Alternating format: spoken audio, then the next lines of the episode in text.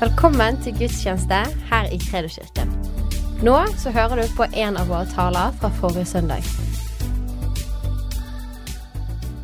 Som ni hörde så, ja, jag heter Melissa, jag är 22 år gammal, jag kommer från Sverige, eh, som ni säkert kan höra i mitt språk. Jag ska försöka vara så tydlig jag kan, eh, så att ni förstår mig. Eh, och ja, tusen tack Maria för förtroendet det stora privilegiet att eh, du ville fråga mig. sätter väldigt stor pris på. Och tack för all din tid och allt det du investerar i oss och, som min lifegruppledare och unga vuxna pastor också. Tusen hjärtligt tack. Um, yes. Jag kom då till Bergen för, nu blir det i juli så blir det två år sedan. Uh, och uh, ja, jag trivs i Bergen så gott. Um, och jag tycker att Bergen har fått ett lite dåligt rykte på sig, att det bara är dåligt väder. Har ni sett på vädret idag? Det är sol, fantastiskt. Ehm, men yes, så idag ska vi prata om tid.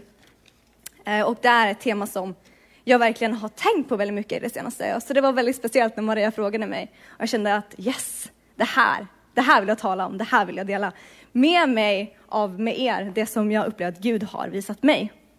Så jag tänkte börja med att läsa från andra Korinthierbrevet. Jag kan ta fram det första verset där på skärmen.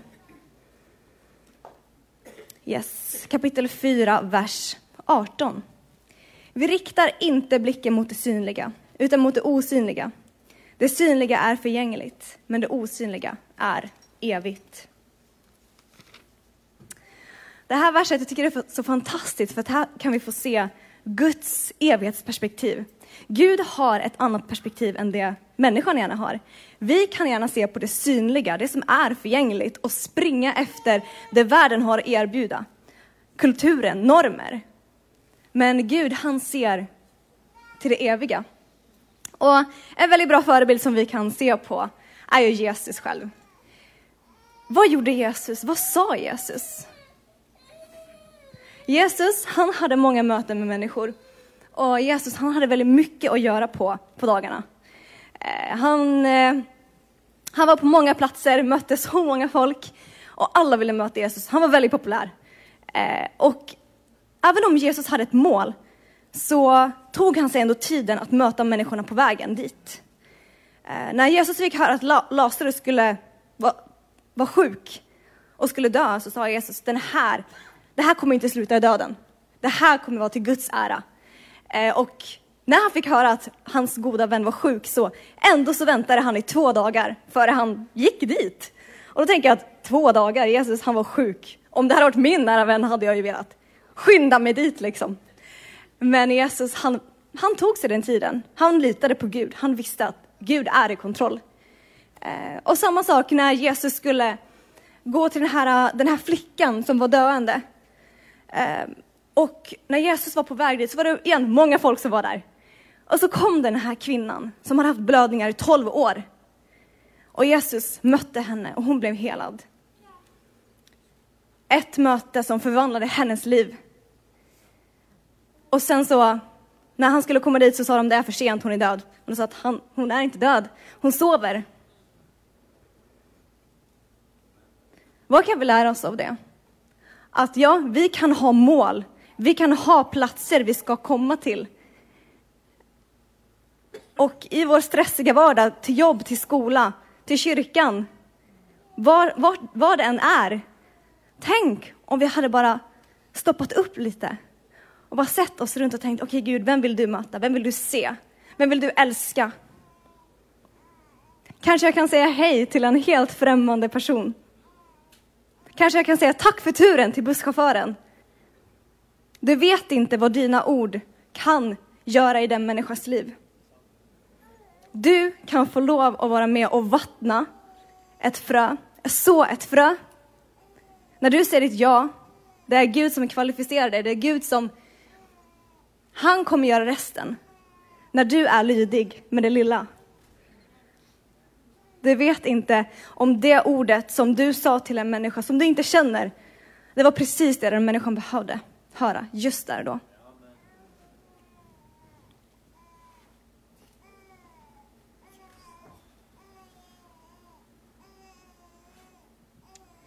Du kan gå till nästa vers. Ska vi ta nästa bibelvers? Ehm, och då så ska jag läsa från Matteus kapitel 6, vers 21. För där din skatt är, där kommer också ditt hjärta att vara. Och så vidare står det i Ordspråksboken 4.23. Mer än allt som ska bevaras, bevara ditt hjärta, för därifrån utgår livet. Så ta vara på ditt hjärta, ta vara på det du fyller dig med. Det du hör på, det du ser på. Därför att vi människor är inte immuna för påverkning av omgivningen och av det vi fyller oss med. Oavsett om det är sociala medier, om det är eh, vad andra folk säger om oss, eh, baksnacking, allt detta här, om det är det som fyller majoriteten av vår tid, det är det som kommer påverka hur våra tankar formas och det som kommer ut av oss. Och därför är Bibeln är så tydlig med att bevara ditt hjärta. Bevara det du tar, det du tar in i dig, därför att det är så viktigt. Um, och om vi alltså fyller oss mer med Guds ord än allt det världsliga, om vi har så mycket, fyller oss så mycket med det världsliga, och så lite med Guds ord, om vi spenderar så mycket tid på allt annat vi ska hinna göra och alla de förväntningar som folk har runt oss eh, och följa och springa efter idealerna och normerna. Och så kanske vi, vi glömmer att prioritera Gud mindre. Då är ju det det här som, det är den frukten som kommer synas mycket mer, som kommer vara mer dominant. Men om vi då ändrar på det om vi tar Gud här istället. Och så minskar vi, väljer att minska och prioritera mindre de världsliga tingen och bara så, vet du vad Gud, du är viktig för mig. Det står i Bibeln, sök först Guds rike så ska du få allt det andra också. Så om vi då söker Guds rike först, han vet redan vad du behöver. Det behöver du inte bekymra dig för.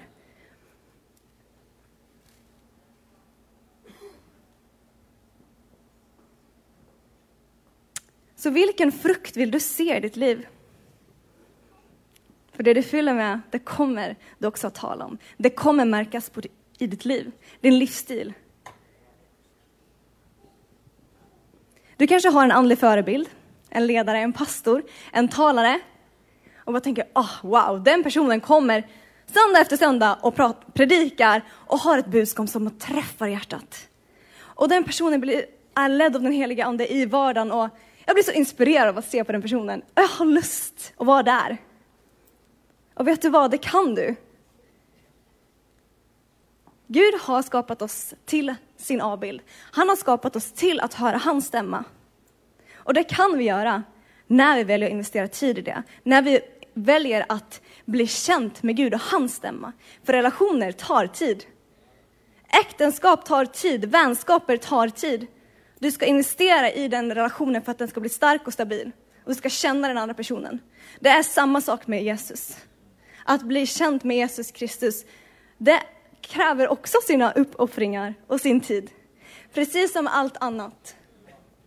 När vi tänker på, ja, det är som, samma sak som att se resultat av träning, se resultat av ja, få goda karaktärer på skolan och att, eh, hur det går på jobb. För att vi ska vinna i de tingen i våra liv också, så vet vi alla att det kräver tid. Vi må öva många, många timmar. Vi må ja, investera så mycket tid för att vi ska se det resultatet. Och det är samma sak med andlig disciplin, andlig växt, andlig frukt.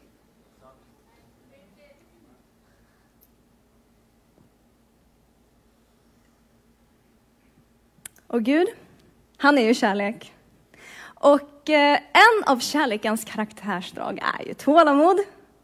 Tålamod, det är mycket som tar tid. Eh, och det är någonting som jag tror alla vi människor får uppleva och växa i. Och eh, vi vill gärna ha allting med en gång, se resultat med en gång. Men Gud, han är kärlek. Han har tålamod. Han säger att vi ska vara tålmodiga. Eh, och för att växa i tålmodighet så krävs det att vara tålmodig.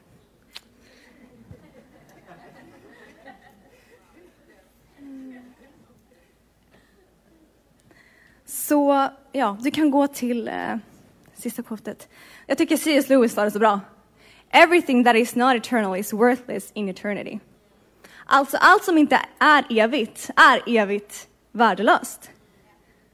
Och jag var så, oh, det bara kom på liksom hjärtat, okej, okay, vad är viktigt i mitt liv? Och det kan jag se på hur mycket tid investerar jag i, i varje sak och varje område i mitt liv. Och nu vill jag fråga dig, vill du bli påverkad av världen? Eller vill du vara den som påverkar världen? Därför att om, som sagt, ingen av oss är immuna mot påverkning av omgivningen. Men om du väljer att investera tid och gömma dig i Guds ord, bygga din identitet, bygga en stark och stabil grund i Guds ord hans, och den han säger att du är, så kan du stå när stormar kommer, för stormar kommer. Det, det har Gud aldrig sagt att vi, vi kommer aldrig ha ett enkelt liv.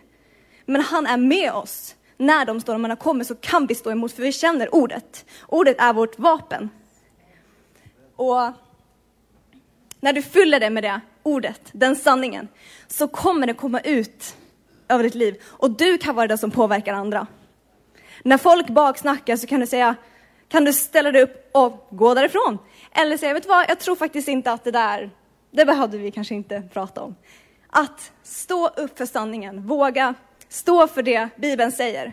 Stå emot och det blir lättare ju mer du investerar tid i det och känner sanningen och är också med människor som stöttar dig i det. Vi har samma tro, vi står samman, vi är inte själva. Så yes. Ett ord från Gud genom dig kan förvandla ett annan människas liv. På jobb, på skola, vart du än är, vem du än möter, när som helst. Vad är viktigast i ditt liv? Stanna upp, se en människa. Smila åt honom eller henne. Din Guds kärlek genom dig är förvandlande. Tusen tack för att du lyssnade. Följ oss gärna på Instagram och Facebook, och så snackas vi nästa vecka.